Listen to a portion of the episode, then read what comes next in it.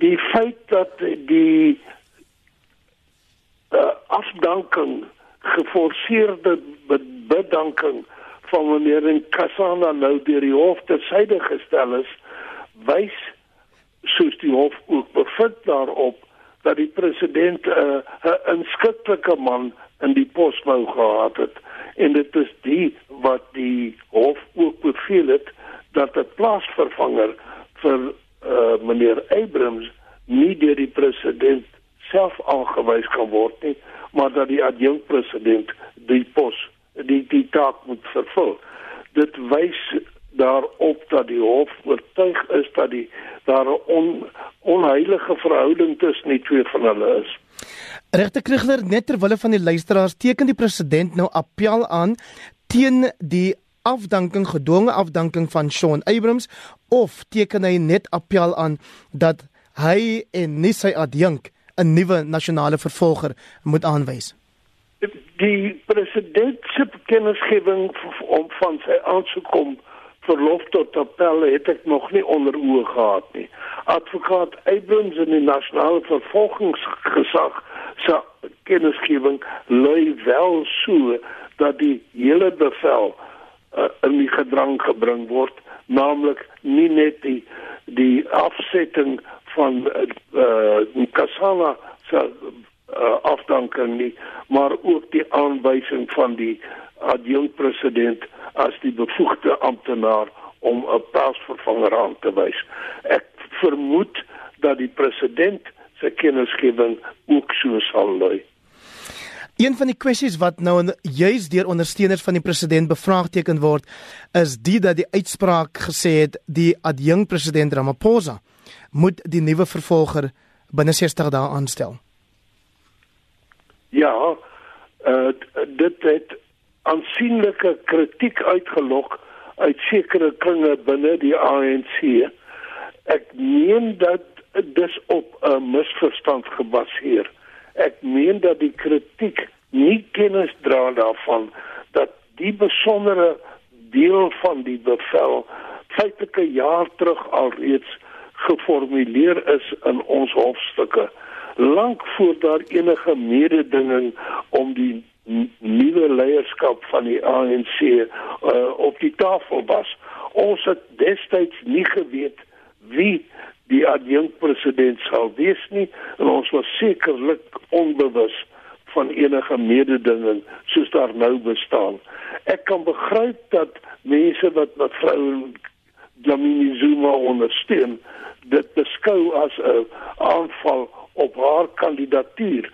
Dit was nie so bedoel nie. Dit is nie so deur die hof verstaan nie en is nie so deur die hof uh self bedoel nie.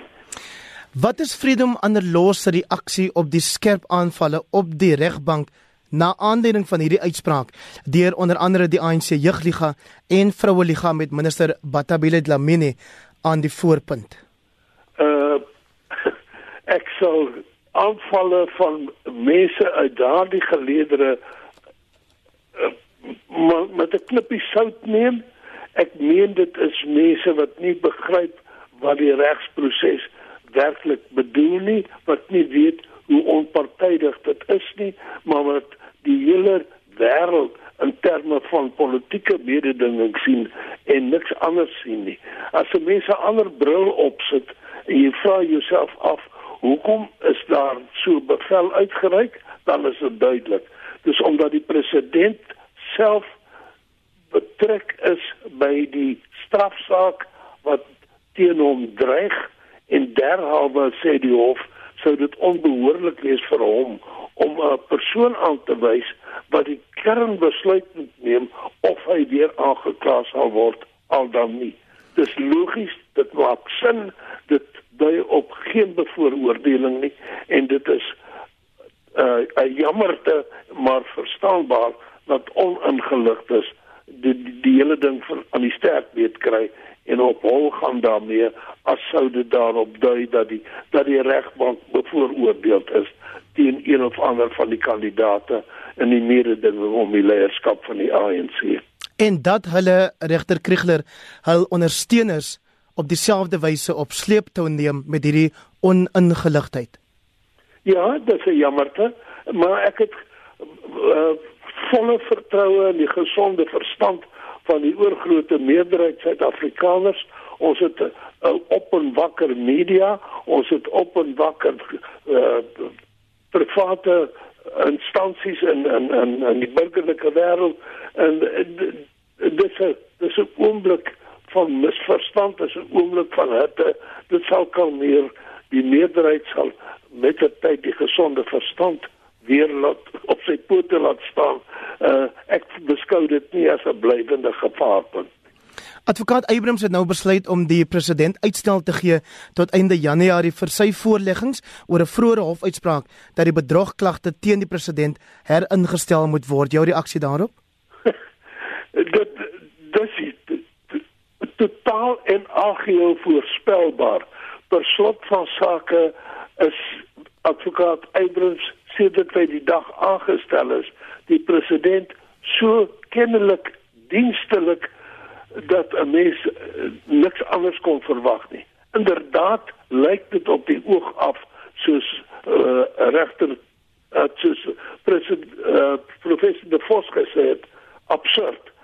Uh, die die aanklagte kom wat 8 9 jaar die president weet sê dit vroeg September verjaar dat die uh, appelhof gesê het hy moet weer aangekla word dat hy nou middel Desember sê hy het nie tyd gehad om sy voorlegging voor te berei nie, lyk op die oog af maar baie baie dun. Ja. Maar dat hy weer tyd gegee word, die kan mens verstaan in die omstandighede en waarskynlik in die gees wat by die nasionale vervolgingsgesag op die oomblik heers. Ja, ons gou verstaan asseblief. Het advokaat Abrams dus steeds al sy magte as nasionale vervolger omdat daar appel aangeteken word en wat is die gevaar daaraan? Uh, dit is inderdaad so die wet op die uh, Hooggeregshof is uh, uh enkele jare gelede gewysig en nou beteken dit dat as 'n mens aansoek doen om verlof tot appel die bevel waarteen 'n mens wil appeleer outomaties opgehef word hangende die beslissing oor die appel self. Daar is 'n skuiwergat dat die wenner in die hof van eerste instansie wel hof toe kan gaan en vra dat die bevel intussen geldig verklaar word en uitvoerbaar is, maar dit is uiters moeilik en in 'n baie beperkte omstandighede wat 'n mens dit kan doen. In hierdie geval geld daar die algemene reël. Ons kan teoreties hof toe gaan.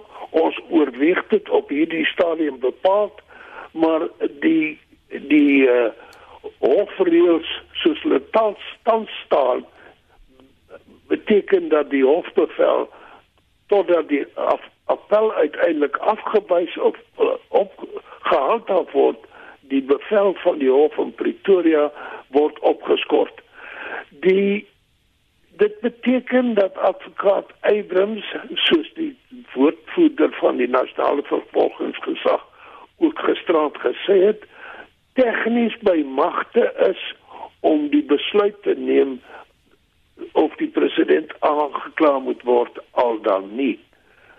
Tegnies regstegnies maar moreel en substantief en in die oë van die publiek is dit 'n besluit wat geneem word deur 'n persoon wat homself persoonlik alreeds keer op keer vereenselwig het met die president se persoonlike belange en die vertroue wat ons almal in die objektiviteit van daardie besluit sal hê is natuurlik uh bitter min. Almal sal vermoed dat dit 'n besluit is wat geneem word deur 'n persoon wat die president dienstig wil wees.